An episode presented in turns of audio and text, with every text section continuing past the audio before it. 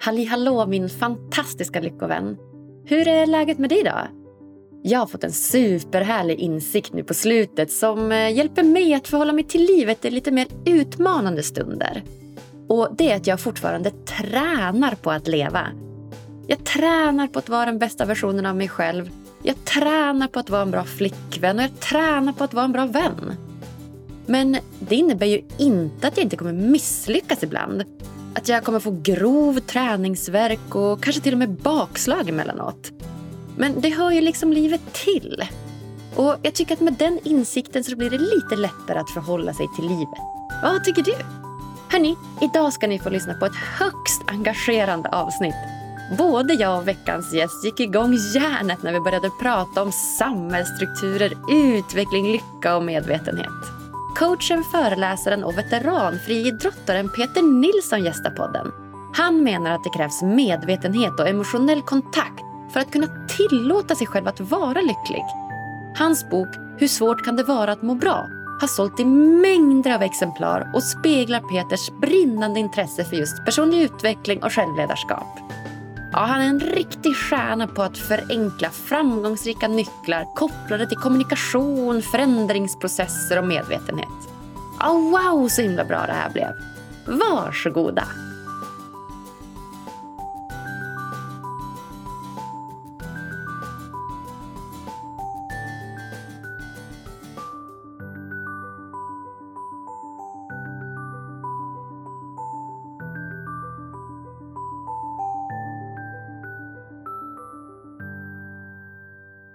Då får jag äntligen säga varmt, varmt välkommen till Lyckopodden, Peter Nilsson.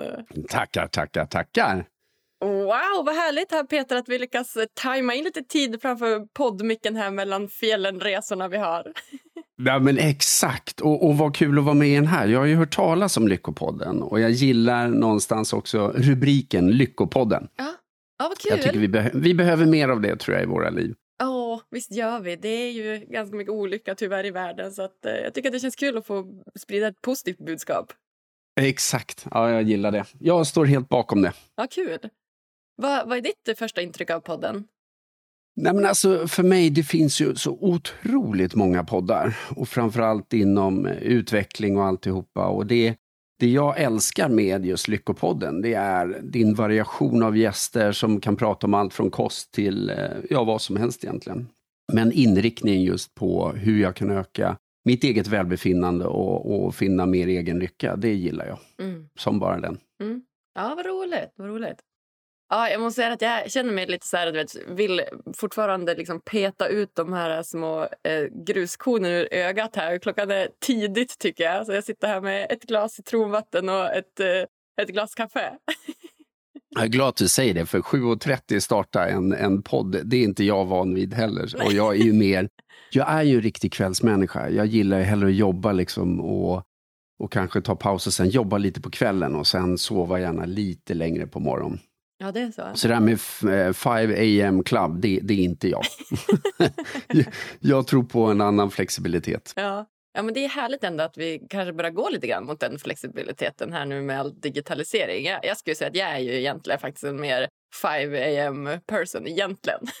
Ja, du är det. Du ser. Och ändå är du trött nu. Vad fasen? Vad har ja. hänt? Nej, vad fasen. Jag kanske blev en öl för mycket igår. Jag vet inte. Ja, det är så det är. Okay. Du var inte ute i skidbacken då? Eller de har stängt nu för säsongen? Va? Ja, men de har ju det här. Jag var ju, jag var ju där på avslutningshelgen här nu, eh, förra helgen här i slutet av maj. Men, eh, men nu, är vi, ja, nu får man upp till riksgränsen här och istället om man ska ha sig någon, någon snö. Så just nu är jag i Umeå. Exakt, ja du ser. Du ja. ser. Ja, nej, spännande. Jaha, jag tänkte kolla med dig om du hade någon så spännande morgonrutin att dela med dig av. Men då kanske du har någon spännande kvällsrutin istället. Nej, men alltså, morgonrutin har jag i och för sig just nu och det handlar mycket om att väcka kroppen. Och det, en, en utmaning jag har haft är att jag hela tiden någonstans har varit på väg framåt. Jag är gammal sprinter och liksom hållit på med friidrott och varit väldigt snabb och otålig. Så en morgonrutin jag har det är att ta 15 minuter till meditation varje morgon eh, när jag får till det och bara för att landa här och nu. Och sen har jag några eh, övningar som jag gör för min kropp för att vakna och det är så här, vad heter det, eh, liksom Spinal Waves tror jag det kallas. Eh, en, en kille som heter naprapat Jonas som eh, är i TV4 och lär svenska folket mer hur man kan liksom, komma till rätta med olika problem man har med kroppen och spinal waves är någonstans man gör liksom eh, vågor med ryggraden. Mm. Och lite slängar liksom med eh, armarna och, och då blir det både rotation och ryggraden kommer igång. Väldigt, väldigt fint på morgonen. Så det är mina morgonrutiner just nu. Ja, ja, vad fint. För att väcka kroppen. Ja, för att väcka kroppen. Det var jättebra. Yes. Och speciellt Yes. om du är lite kvällsmänniska då kanske du behöver lite en extra kick. Ja, du, det behöver jag verkligen kan jag säga. Och eftersom att jag tränar ganska mycket eh, så, så känner jag att kroppen behöver någonstans väckas till liv och liksom på, på rätt sätt, Ja, tycker jag. Just det. Mm. Ja, ja, men helt sant. Gud, jag ser framför mig nu hur du så ligger och gör vågen och masken. Ja, nej, jag golvet. står till och med, jag står mot en vägg och så kör jag och så blir det som en våg som sköljer och då kan man nästan höra hur det smattrar i ryggraden också. Så att, eh, för lyssnarna som blir intresserade, gå in och kolla på naprapat Jonas på eh, Instagram så kan ni se och följa honom där också. Ja, men shit vad bra. Mycket enkla, bra övningar tycker jag. Ja, men så himla bra. Som någon typ yoga-mode nästan. Ja, eller han, det är mycket rörelse han kör och även om yoga är rörelse också så, så gå, utgår han mer från, om jag tolkar rätt, mekaniken, hur kroppen fungerar och hur den är uppbyggd. Mm. Eh, och det gillar jag. Mm. Ja, men det är bra. Kanske ännu lite djupare egentligen då på liksom skelett Yes. och ryggrad och så. Ja. Exakt. Ha, spännande Peter! Va? Jag är så nyfiken på att prata med med dig. Det ska bli superkul. Ja, vad vill du prata om? mer än lycka. Det finns så mycket att säga. Du, vet, du behöver inte prata eller ställa så många frågor. Jag kan Nej. prata hur mycket som helst om Ja. du vill. Ja, men exakt! Ja. Ja, nej, men alltså, hur, vad vill jag prata om och varför vill jag prata om just dig? Kanske är intressant att veta. Exakt. Det undrar jag med. Ja, men det var ju så att eh, jag började med att fråga mina, eh, mina lyssnare på, på Instagram och fråga vad vill ni lyssna på? För jag tycker det är viktigt att de får vara med och påverka för det är ju faktiskt de som lyssnar. Och då var det en som nämnde att de just ville veta mer om hur man gör för att leva sitt drömliv. Och då tänker jag att det, så här, det är ju superrelaterat till, till lycka och välmående och det känns ju som att ganska många på den här jorden kanske inte följer sin dröm eller kanske lever efter någon annans dröm. Ja. Och då började jag fundera så här, men hmm, vem kan jag prata med om det här? Och då till slut så sa det pling i huvudet. För då så var det min poddkollega, nämligen Madde, som driver podden Perspectives, som den nu heter, som eh, skrev och tipsade mig om dig. Och det gjorde hon egentligen innan det här. Så då var det som att Ja, ett plus ett blir ett samtal. Klockrent. Det är henne jag ska tacka för det. det är, ja. Ja, Yes. ja, Nej, men, verkligen. absolut. Och det, och det roliga är, tycker jag, för att ehm, under de senaste månaderna har jag varit med i några poddar och med lite olika inriktningar men samtidigt samma övergripande tema. Och det har varit Så kan det gå-podden, Perspective och Healthfulness-podden. Och eh, någonstans så märker jag så här att på tal om din fråga hur kan jag skapa mitt drömliv så handlar det väldigt mycket om Alltså om, om man tänker lycka och hälsa överlag så tycker jag att vi behöver tänka mer helhetsmässigt kring det.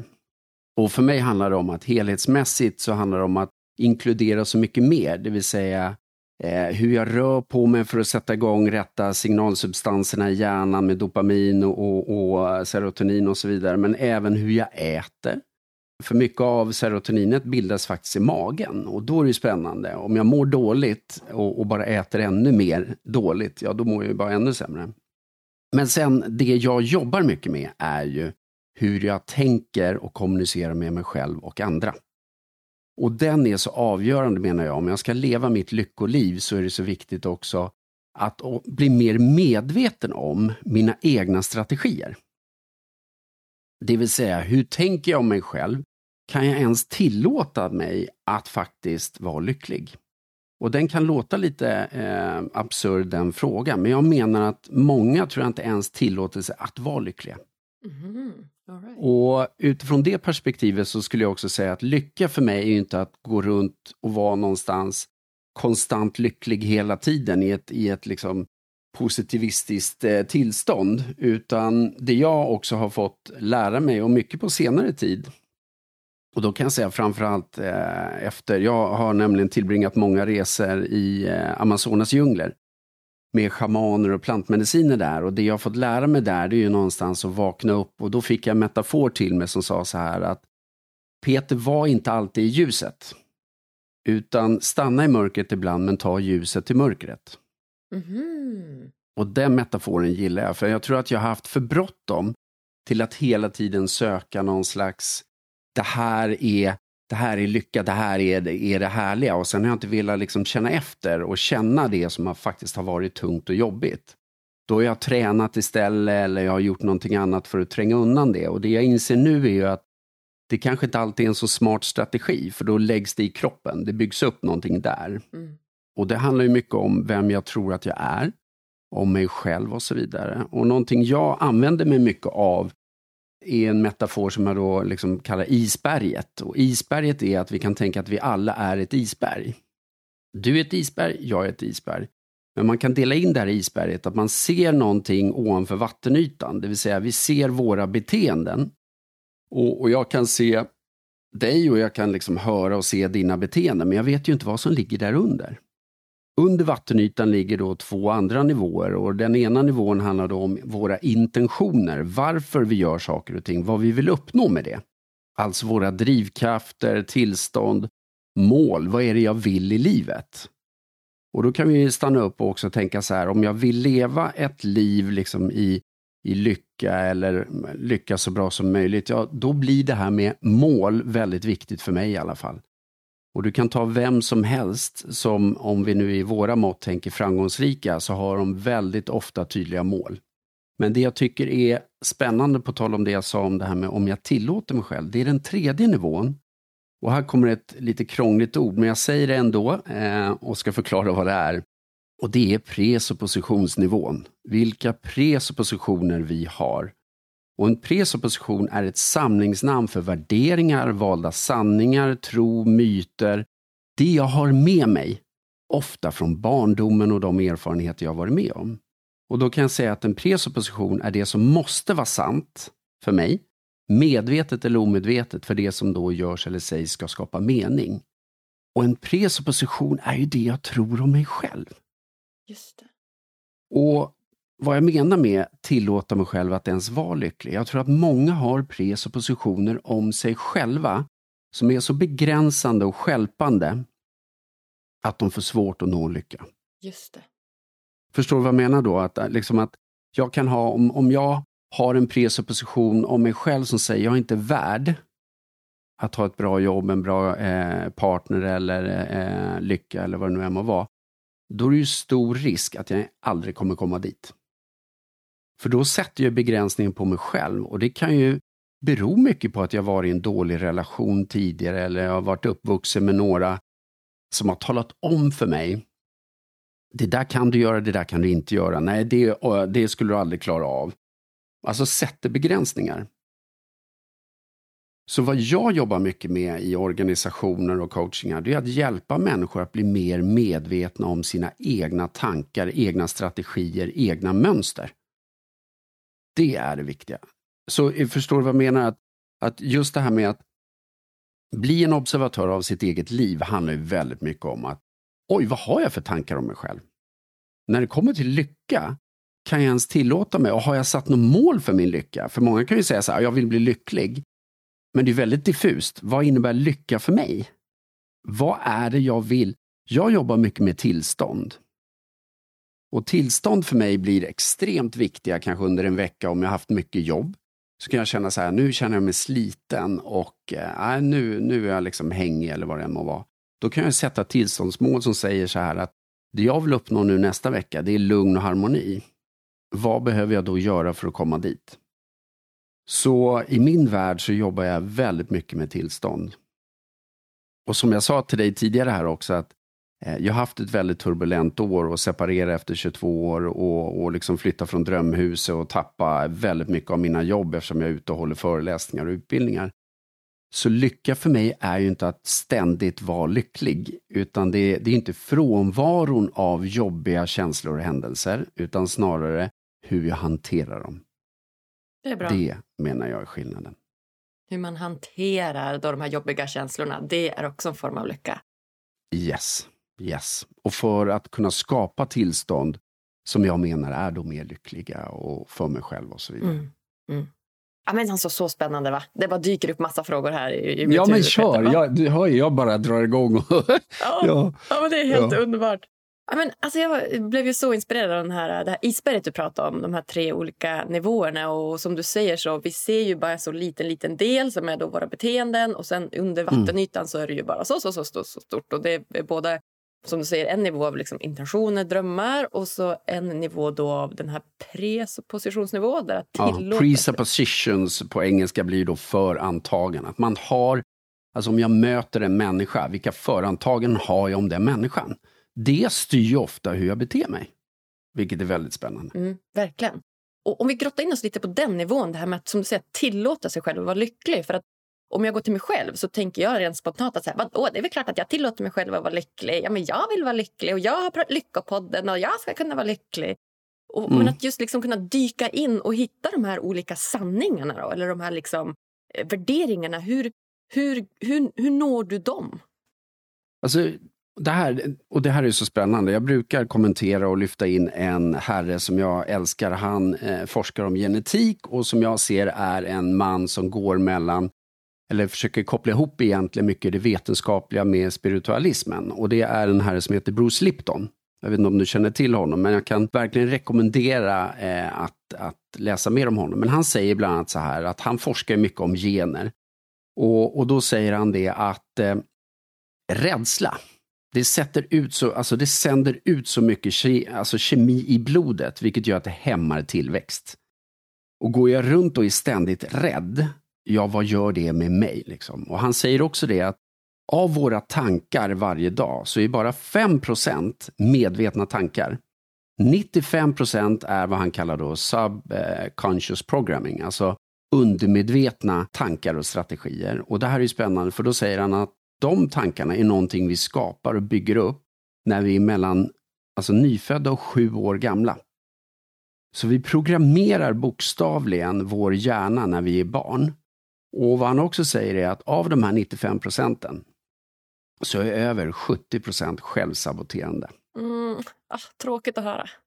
Yes, och, det, och då menar jag så här att vad vi då behöver göra är att bli mer medvetna om våra egna strategier och inte bara agera på första ordningen, det vill säga isberget på beteenden. Det vill säga att då grotta ner oss i både andra ordningen i intentioner och tredje ordningen i presuppositioner att bli mer medveten om hur tänker jag om mig själv kring mat, kring kost, kring pengar och så vidare.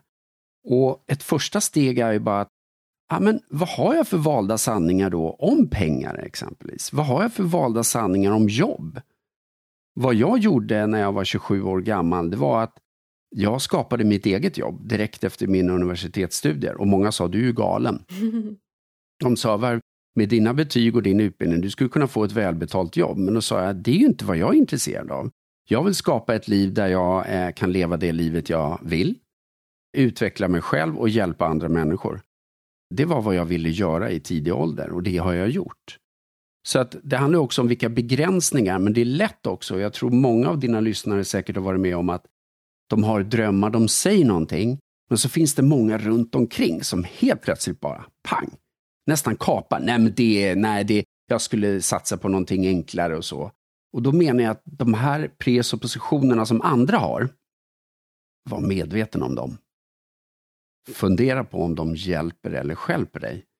Och var medveten om dina egna gränser. Och våga utmana dig själv till att vara mer nyfiken. Den här podden tycker jag, det är ju nyfikenheten i ett nötskal. Du, som jag tolkar det, är ju nyfiken på människor och höra hur de tänker. Verkligen. Det menar jag, om vi kunde vara mer nyfikna och mer drivna av nyfikenhet än av rädsla, mm. jäklar vilken annan värld vi skulle ha. Mm.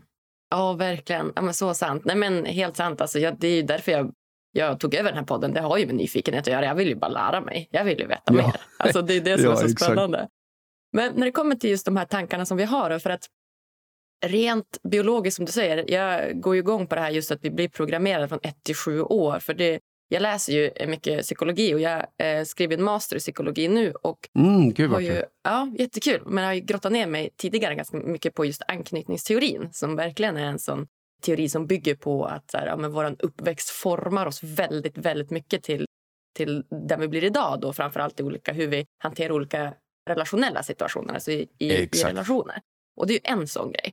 Och sen så är ju hjärnan liksom rent biologiskt sett egentligen uppbyggd för att leta efter faror och hot. Det var ju liksom Mm. tigrar i savannen som vi hela tiden skulle hålla koll på när vi, när vi var grottmänniskor. Så vi, vi har ju en liten, liten uppförsbacke där. Men Ja. säg att, säg att vi, vi börjar bli medvetna. Vi, liksom, vi, vi tänker inåt. Vad är det vi ska tänka på då liksom, när vi ska hitta de här tankarna? Då, när vi vill bli medvetna och liksom börja fundera på de här liksom, valda sanningarna. Vad är, vi liksom, vad är det vi söker efter där? Vad är det vi letar efter? Jag tror så här att, att en av de viktigaste sakerna, och, och på tal om vad vi letar efter, först måste vi nog eh, liksom backa bandet. Hur kan jag göra det? För jag tror att vad väldigt många människor gör det är att vi springer runt och reagerar på saker. Mm, mm, Men vi reagerar istället för att respondera. Och för mig är reagera och respondera två helt olika saker. Att reagera, du säger något, jag går igång och det blir drama direkt. Och då menar jag att respondera, det är att oj, nu känner jag en känsla. Var kom det ifrån? Handlar det om vem? Alltså handlar det om dig eller handlar det om mig? Och då blir det mer att om jag responderar, då kan jag mer gå inåt istället för att jag agerar utåt direkt. Och jag tycker vi har ett samhälle där många bara reagerar. Och, och det jag menar är att att bli en observatör av sitt eget liv kan innebära så här att jag stannar upp och, men varför reagerar jag så? Det där väckte någonting inom mig. Och, och det är det jag tror, att bli mer medveten om hur jag reagerar och varför är ju ett första steg att börja identifiera vad har jag för valda sanningar, presuppositioner om mig själv i det här avseendet? just det. Var kommer det ifrån? Och jag hade en coaching igår med en kvinna från Norge och det var så kul för att vi satt och pratade och hon blev helt plötsligt medveten om att hon hade en strategi som hon hade haft tidigare i livet för att få vara med eh, de som var äldre. Så tystnade hon för hon fick inte säga så mycket för de äldre skulle prata och ta mycket plats. Och hon liksom fick hela tiden vara i bakgrunden och det var en strategi hon hade liksom tagit på sig. Och i det här fallet så blev det väldigt spännande, för varför då? Jo, om hon tar den strategin sen senare i livet, vad händer då? Att om strategin funkar, hon fick vara med då, men det var liksom hennes strategi för att få vara med. Men om man har den strategin senare i livet och tror att hon ska få vara med genom att hon håller sig mer i skymundan, är du med? Då blir det kontraproduktivt, leder inte alls framåt. Och det är det jag menar med att, att bara börja förstå, oj, var kom det där ifrån? Mm, mm, mm. Och det är inte alltid helt lätt att bli medveten om, säger jag. Det är ju som med mig, att jag, jag även om jag är liksom 51 år gammal idag, så kan jag bara, wow, det där kom från barndomen vid det tillfället, vad spännande. Mm. Och den strategin funkade ju där och då förmodligen, Ja, för att jag skulle kunna ta mig vidare. Men ha kvar de strategierna här och nu, menar jag är helt galet. ja visst. Ja, shit, verkligen. Så himla sant. Jag kan verkligen relatera just till det här som du säger, det här med respondera istället för Reagera. reagera. Precis, exakt. Ja. Man lyssnar inåt istället för att agera utåt. Och det skulle jag vilja likna med någon slags här emotionell reglering eller emotionell intelligens. Att man lär sig hantera sina känslor. Ja. handlar det lite grann om det? Att så här, all right, vänta nu, eh, jobbig känsla, jobbig känsla. Var kommer den här ifrån? Och så får man då kanske då ja, men se på situationen utanför och bara vänta, den Mm. pratade med den nu och jag fick inte vara med eller vad det nu kan tänkas vara. Mm. Och att man då lyssnar inåt istället för att bara rah, Yes. agera utåt. Mm. Yes. Mm. Och, det, och det här är ju någonting jag har fått lära mig sent i livet och jag håller på och fortfarande försöker lära mig det. Det är också det här att vad jag tror många gör, det är att när de får en känsla så kan det också bli att de lägger band på sig själva. Jag ska, åh, nej jag ska inte känna så här. Mm. Att man inte ens tillåter sig att känna. Och det är inte det jag säger, utan jag menar egentligen tvärtom. Att du ska tillåta dig att känna. Men däremot behöver jag agera ut på den. För jag tror så här att om vi försöker stoppa undan jobbiga saker och känslor, då kommer jag lägga det liksom i ett fack i min kropp. Ja. Och här brukar jag dra en metafor med, liksom, om, om du ser ett lejon jaga en antilop på savannen, Och misslyckas lejonet, och det vill säga antilopen klarar sig, så kan man alltid se att djuret som har varit jagat skakar av sig. Bara skakar. Ja, just det. Brrr. Exakt, under några få sekunder. Och det du kan se direkt efter vad de ofta gör, det är att de börjar beta som vanligt sen. Ja, just det. Och det häftiga med det är, de skakar ju av sig det på en gång. För att kunna gå vid. Det jag tror vi människor inte gör, det är att vi inte skakar av oss, ser du med? Vi håller inne det och låter det vara och det menar jag hämmar vår egen lycka. Och att vi kanske inte ens tillåter oss. Och då kommer vi in på en annan intressant grej som jag jobbar mycket med och det är en sortering som handlar om jag och du. Att jag är jag, du är du. Det går en gräns däremellan. Och, och det kan handla om en balans, hur mycket plats tar jag i olika sammanhang? Tillåter jag mig att ha ett stort jag eller blir jag ett litet jag, pratar i förminskande ord om mig själv, tar inte mycket plats i konversationer? Eller har jag ett jättejag där det är jag, jag, jag hela tiden? Vad jag tror många glömmer bort i relationer är att också an, alltså ta ansvar för sina egna känslor och tydligt kommunicera dem. Att, vet du, nu blev jag ledsen av det du sa. Jag känner att det påverkar mig här. Jag vill säga det här nu för att jag vill inte gå runt och bära på det. Är du med? Då, ändå, då responderar jag istället för skulle jag reagera. Då... Så att fortfarande kan jag ju få upp känslan och ta ansvar för den. Men jag tror att många stänger inne den istället för att liksom låta den komma ut. Och jag menar att känslor ska flöda genom kroppen. Jag har inte varit duktig på det. Jag har stängt inne det själv. Jag har tränat istället. Mm. Jag har bitit ihop. Jag har haft en presupposition om hur svårt kan det vara, liksom bit ihop heter. Nu vill jag ändra den till hur svårt kan det vara och sen kan jag snarare få upp det.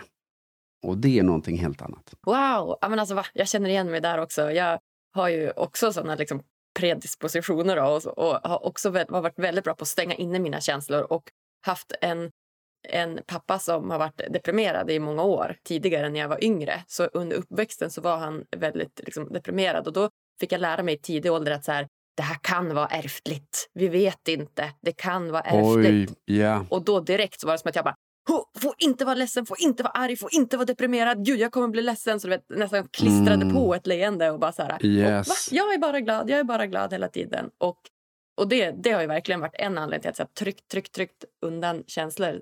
Men då tycker jag inte alltid att... För nu har jag ju som försökt lära mig det och jag försöker också att så här, vara i min känsla och lyssna på den och vara ja, men nyfiken och bara vad säger du till mig nu? Vad är, yeah varför känner jag så här? Och, och, och egentligen bara vara var med den. Och då igår så, så hade jag en sån, en sån ja men, känsla i mig som gjorde att jag så ville liksom leva ut den lite som att så skaka av mig fast det var, väldigt, så här, det var en aggression så jag ville bara, bara skrika. Liksom. Exakt, ja. Yeah. Då tog jag, alltså då gjorde jag så som de gjorde på filmen, jag tog en kudde framför ansiktet och bara... Yes! bara ja, men helt rätt. Den. Ja. No, och det, det, är det där som är det häftiga. Jag älskar det du säger. För att någonstans, eh, jag testar ju väldigt mycket saker själv i mitt liv eftersom att jag, jag älskar utveckling och provar nya saker och vill ha variation. Och det finns någonting som heter dynamisk meditation. Jag vet inte om du har provat det. Nu gör jag lite reklam för det också här. För det handlar om att det är fem olika steg i en dynamisk meditation. Jag kommer inte ihåg om det är en timme eller en och en halv timme. Men det består bland annat av att man ska hoppa hoppa eh, under en viss tid, typ 9-10 minuter. Man ska skrika eller man ska agera på ett sätt. Och, och vissa slår ju på kuddar och så vidare och sen ska man stå still. Det festliga med det här är att snacka om att agera ut sånt som jag kanske går och bär på. De gånger jag har gjort det efteråt, jäklar vad jag, jag pratar på ett annat sätt, det känns annorlunda i kroppen. Så det ligger ju också i linje med det jag sa om det här med antilopen på, på savannen. Och, och, det jag också vill glädja kanske dig med, eh, på tal om det du sa om din pappa och depression, för att eh, jag går tillbaks till Bruce Lipton och han gör jättemycket forskning just nu på bröstcancer. Och, och det som har visat sig, det är att miljön är så otroligt viktig. Det vill säga miljön när det kommer till hur du tänker om dig själv.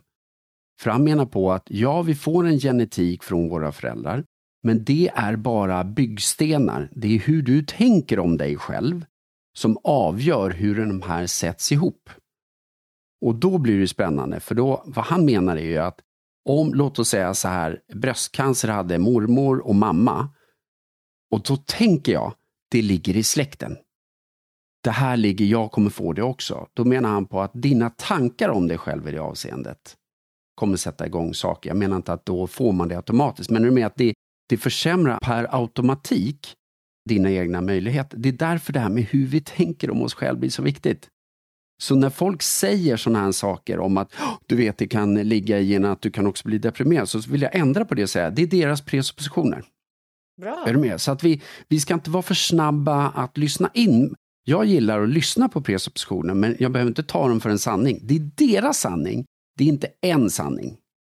Vår värld är fylld av, menar jag, sanningar och jag bara säger ja, det, vet du, jag älskar att du kommer med det och det är din sanning. Jag vill inte ta den för jag tror att den inte kommer hjälpa mig.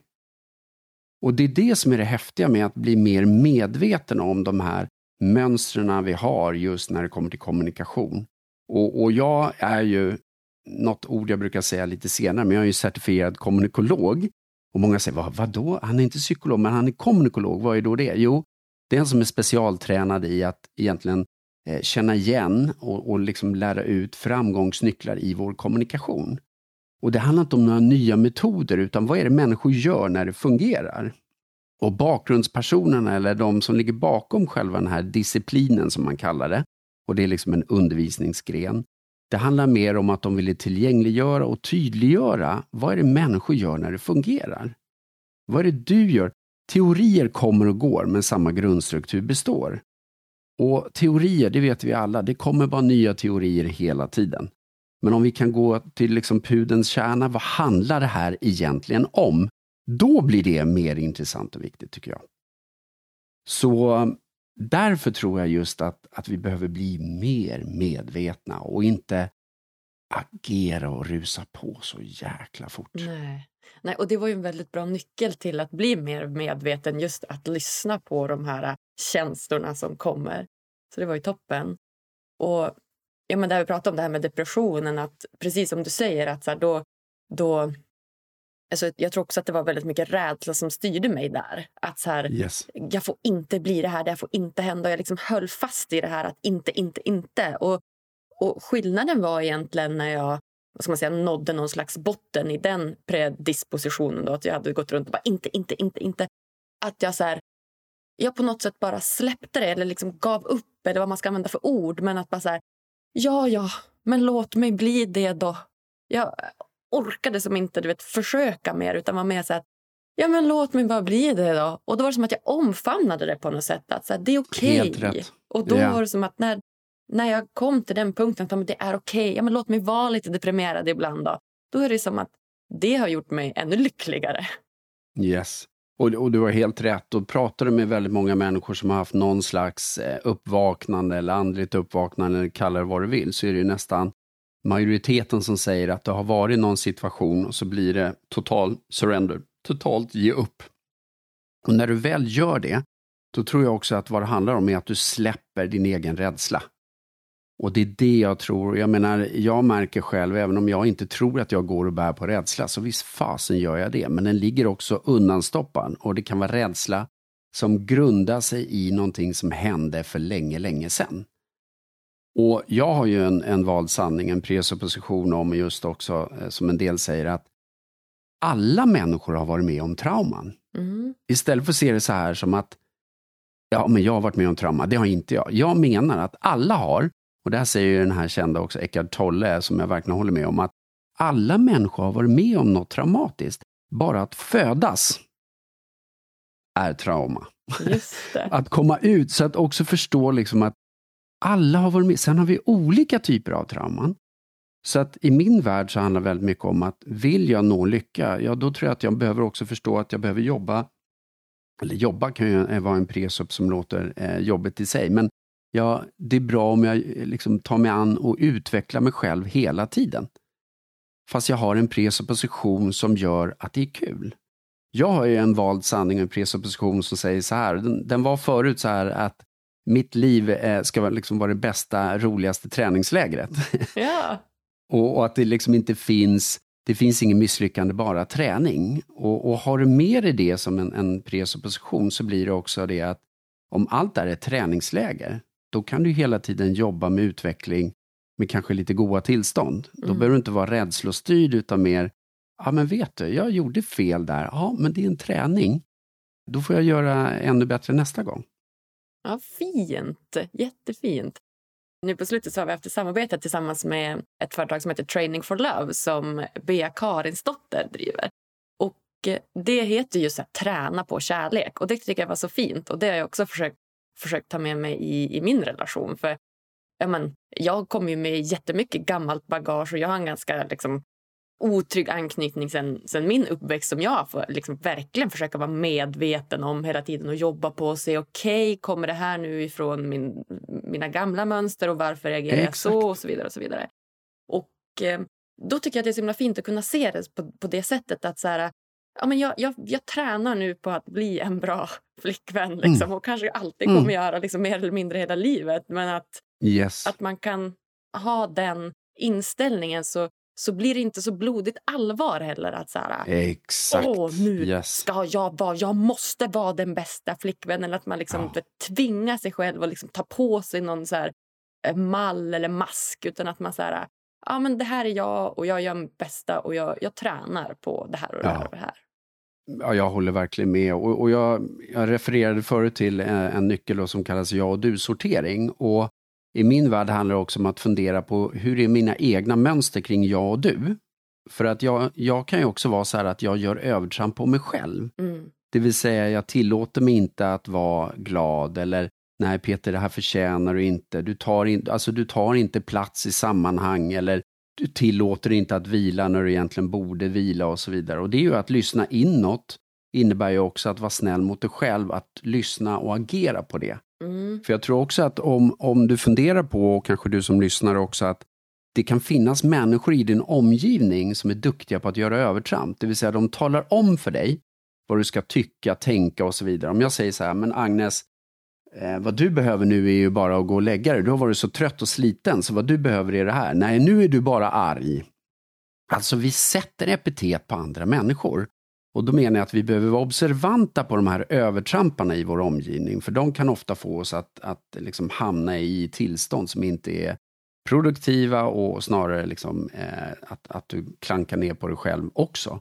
Det vill säga om de säger det, ja, då är det ju sant. Så vad jag jobbar mycket med i grupper och sånt, är också att identifiera om det finns övertramp, för då är det ofta ingen bra kultur, miljö, men folk kan ibland inte sätta fingret på vad det handlar om. Och, och, där blev jag uppringd för, bara som ett exempel, när jag jobbade med en grupp så blev jag uppringd av en kvinna som hörde av sig efter ett tag och sa hon Peter, jag vill bara tacka för en fantastisk kurs och för att jag nu har skilt mig. Och jag bara, Oj. va? Oj. och, så sa, och så sa hon, på kursen så insåg jag det här med övertramp och jag och du, att jag lever i en övertrampande relation. Mm. Och min man, jag åkte hem och satte ner foten och sa att jag tänker inte ta dina övertramp där du säger vad jag ska göra och vad jag ska äta och vad jag ska tänka, utan jag tänker stå upp för mig själv. Och han vill inte ändra sig, jag skilde mig, jag mår så jäkla bra, sa hon. Ah, vad fint. Så, ibland, så ibland behöver vi bara identifiera just mönster. Och det är då jag är tillbaks till där jag började, att vi behöver, tycker jag, bli duktigare på att luta oss lite mer tillbaks. Observera, vad var det som hände i situationen? Hur agerade jag? Inte vara så snabba på att gå in i drama, och framförallt drama där jag skapar en story i mitt huvud mm. som inte ens behöver vara sann. Nej, farligt. Och hur ofta händer inte det? Och på tal om lycka så tror jag att många är så nära lycka men de skapar stories som egentligen inte är sanna vilket gör att de inte blir lyckliga.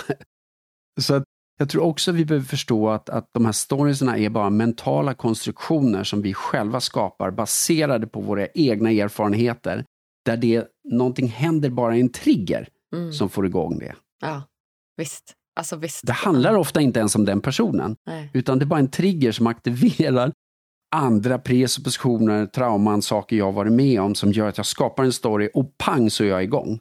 Och det är det här vi behöver förändra om vi ska skapa mer lycka i livet. Mm.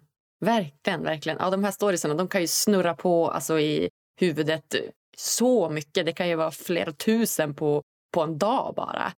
Yes. Hur, hur gör man det då för att liksom urskilja just liksom stories som kanske är sanna och stories som inte är sanna? Hur gör man för att bli så medveten? Alltså, jag refererar till en hel del människor. Jag älskar att läsa och jag tycker det finns många människor där ute som jag verkligen rekommenderar. Och det finns en, en kvinna som heter Byron Katie. Mm, på tal om det, hon, ja, hon fick ju ett sånt uppvaknande också, att när hon misslyckades överallt och bara, ja, hon låg på golvet och fick något uppvaknande. Men jag älskar när hon ställer två frågor i början. Hon menar att alla borde ställa de frågorna. Att när det händer, när jag får en tanke om någonting, är det verkligen sant? Och sen fråga nummer två, kan jag vara helt säker på att det är sant? Ja. Och ofta, när jag ställer de frågorna för mig själv så inser jag så här, nej men fan, det kan jag ju inte veta. Jag har inte frågat, jag vet ju inte bakgrunden. Det är ju en mental konstruktion i mitt eget huvud. Så att börja med de två frågorna, som egentligen är en och samma fråga. Är det verkligen sant? För då, det jag menar är att världen är full av projiceringar. Någon går igång på någon annan. Men ofta igen, jag pekar med fingret dit, men ofta då är ju ett par fingrar som pekar på mig. Jag kanske istället för bara vräka ur mig något mot en människa där, förstår att oj, vad handlar det här egentligen om? Det handlar om någonting inom mig.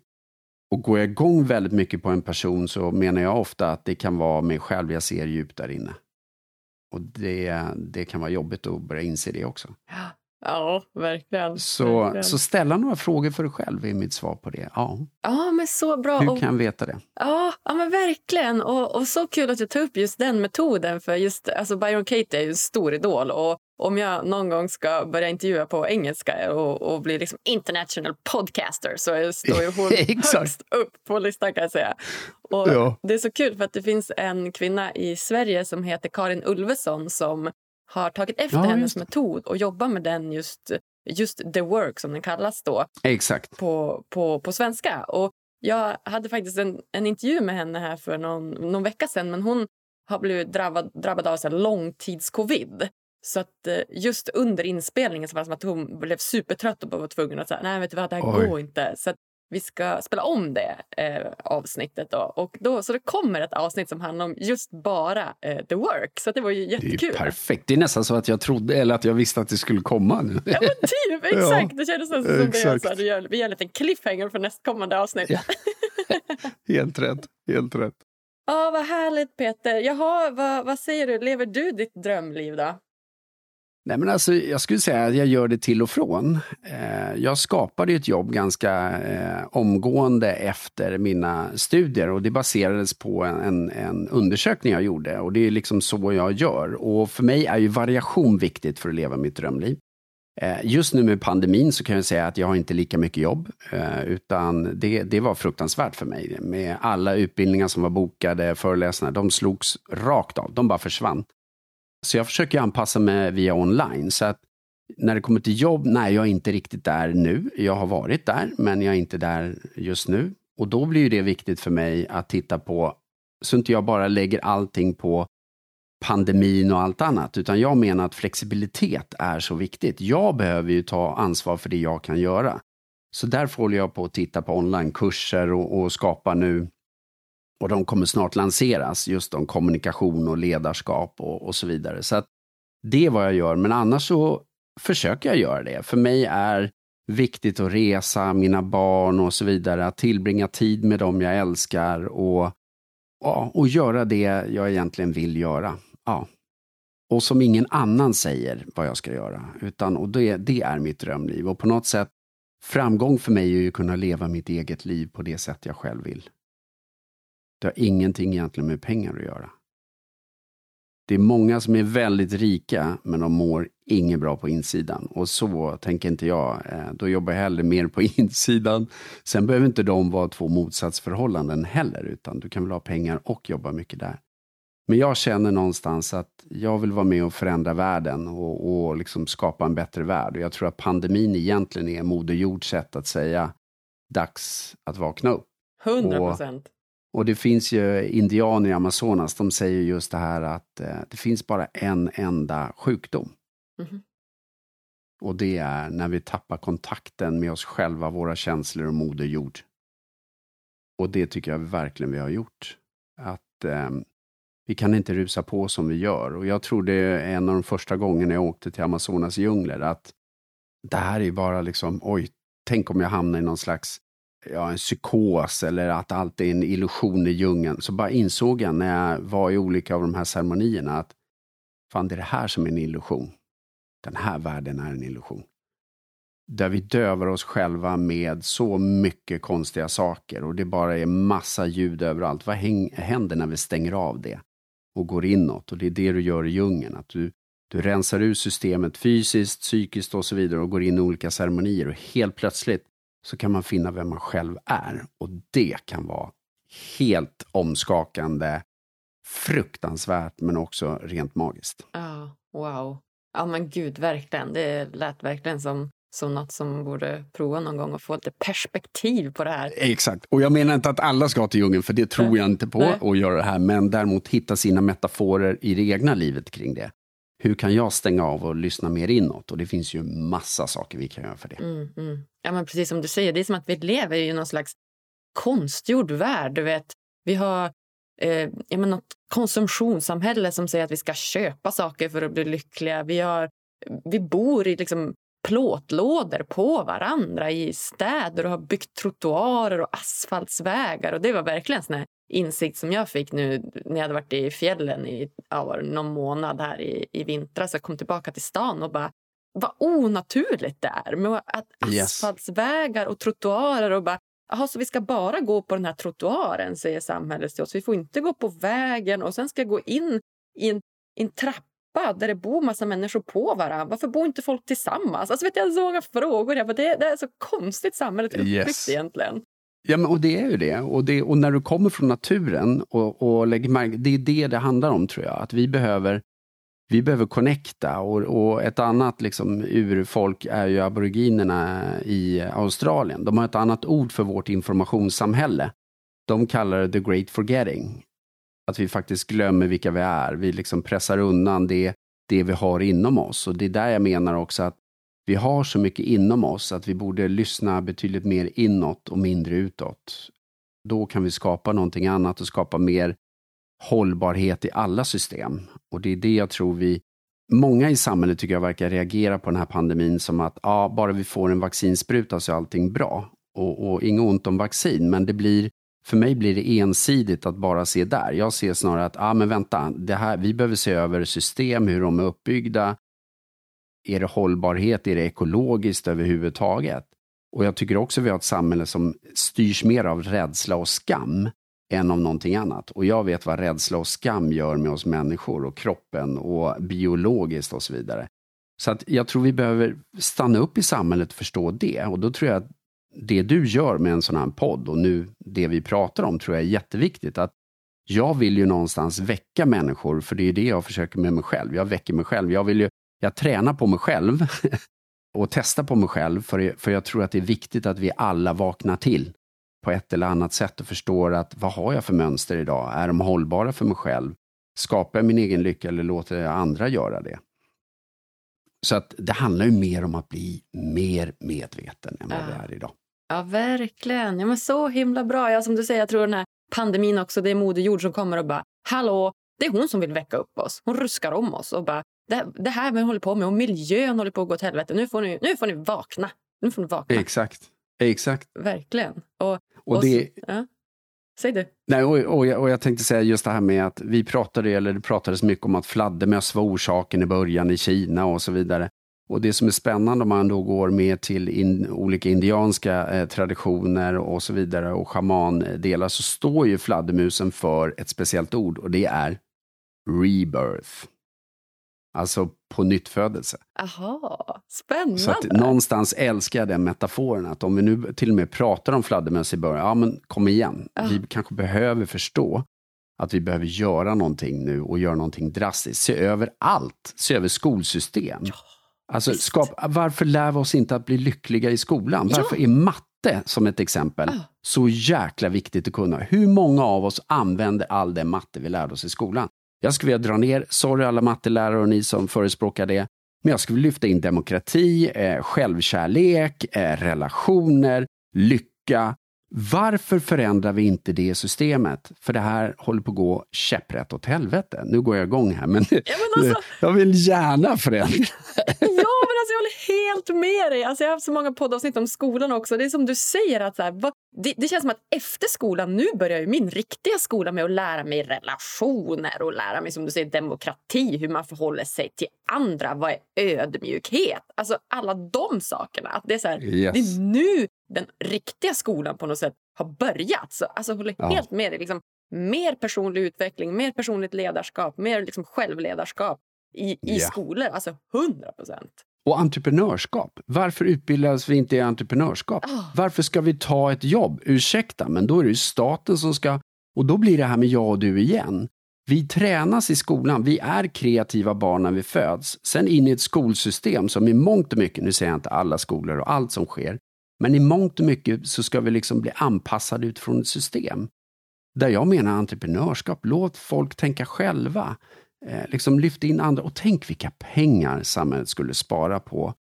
Ohälsotalen skulle liksom minska radikalt och vi skulle bli lyckligare. Så, så det finns mycket att göra och det börjar hos mig, liksom, individen själv. Ja, men 100 procent. Jag håller helt med dig. Just det här att ja, men som vi ska ta en anställning och vi ska jobba 8 till 17 och vi ska ha en timmes lunch och du vet, vi ska in i det här systemet. Du ska få så här mycket pengar. Så mycket pengar så att du har råd att bo i din villa eller din lägenhet eh, mitt i stan. Men inte så mycket pengar så att du liksom kan frigöra dig från jobbet utan du ska kun kanske kunna ha råd att åka på semester en gång per år i dina, på dina sex veckor. Men det är liksom inte mer än så.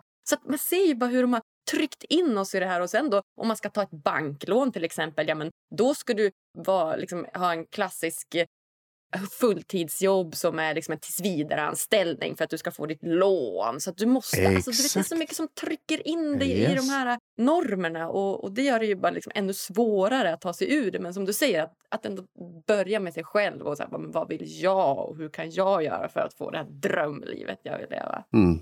Och det går, det är dit jag vill komma och, och någonstans om vi går tillbaks där vi började, att om jag blir mer medveten om mina egna tankar om mig själv, vad tror jag om mig själv när det kommer till jobb och så vidare. Kampen från andra som säger vad jag ska göra och inte göra och det där kommer aldrig gå. För att jag tror att det, det är ofta de liksom som vågar bryta mönster som kommer någonstans i det här samhället.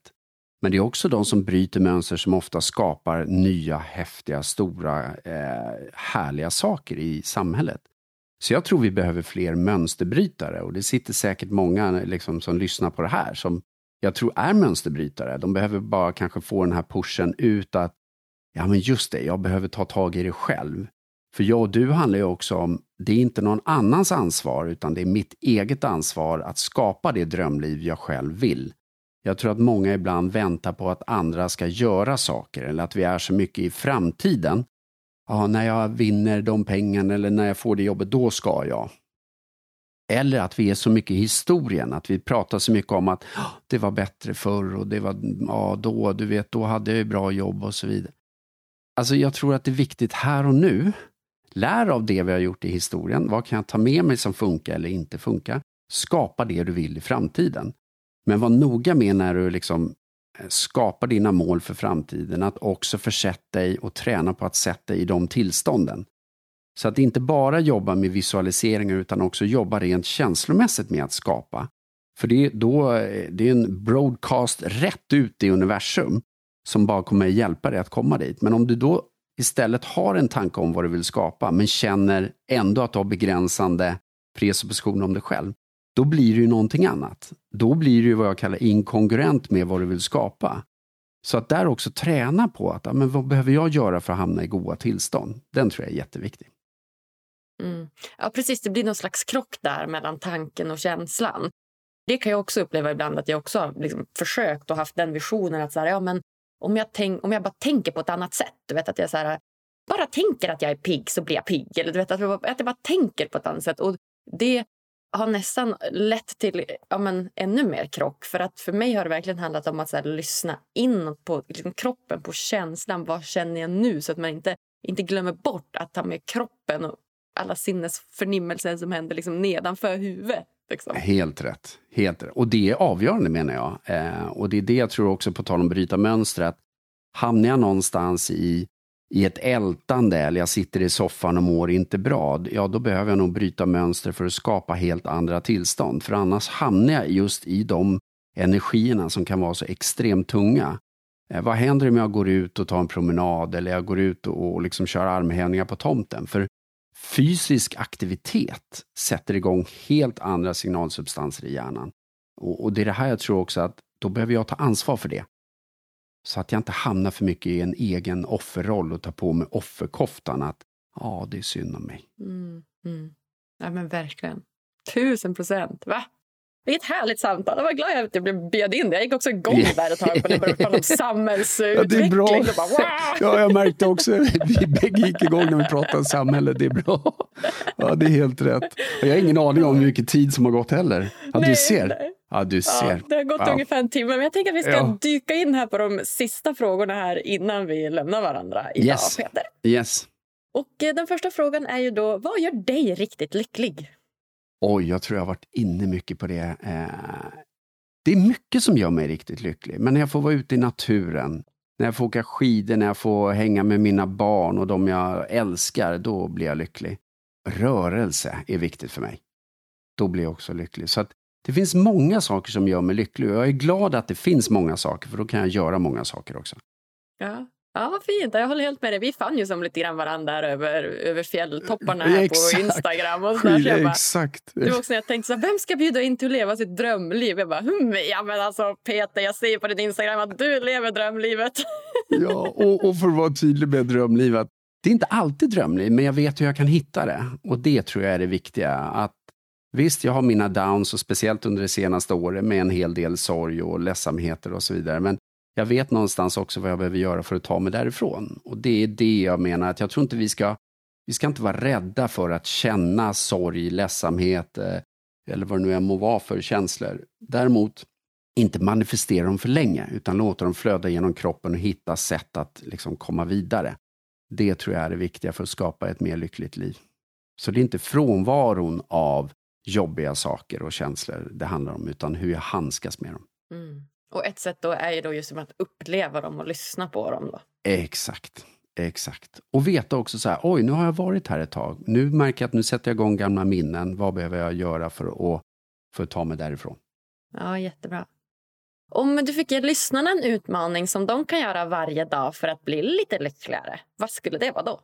Åh, gud, en! Får jag jag jag har så många idéer. Ja, men kör en på, en utmaning. Eh, det är att, jag tror så här, att, att stanna upp och snarare reflektera över vad de själva gör och tänker om sig själva under en dag. Och vad jag menar med det är att stanna upp och, och, fundera och reflektera vad de gör och säger om sig själva under en dag och bara vara medveten om vad det skapar för tillstånd hos dem.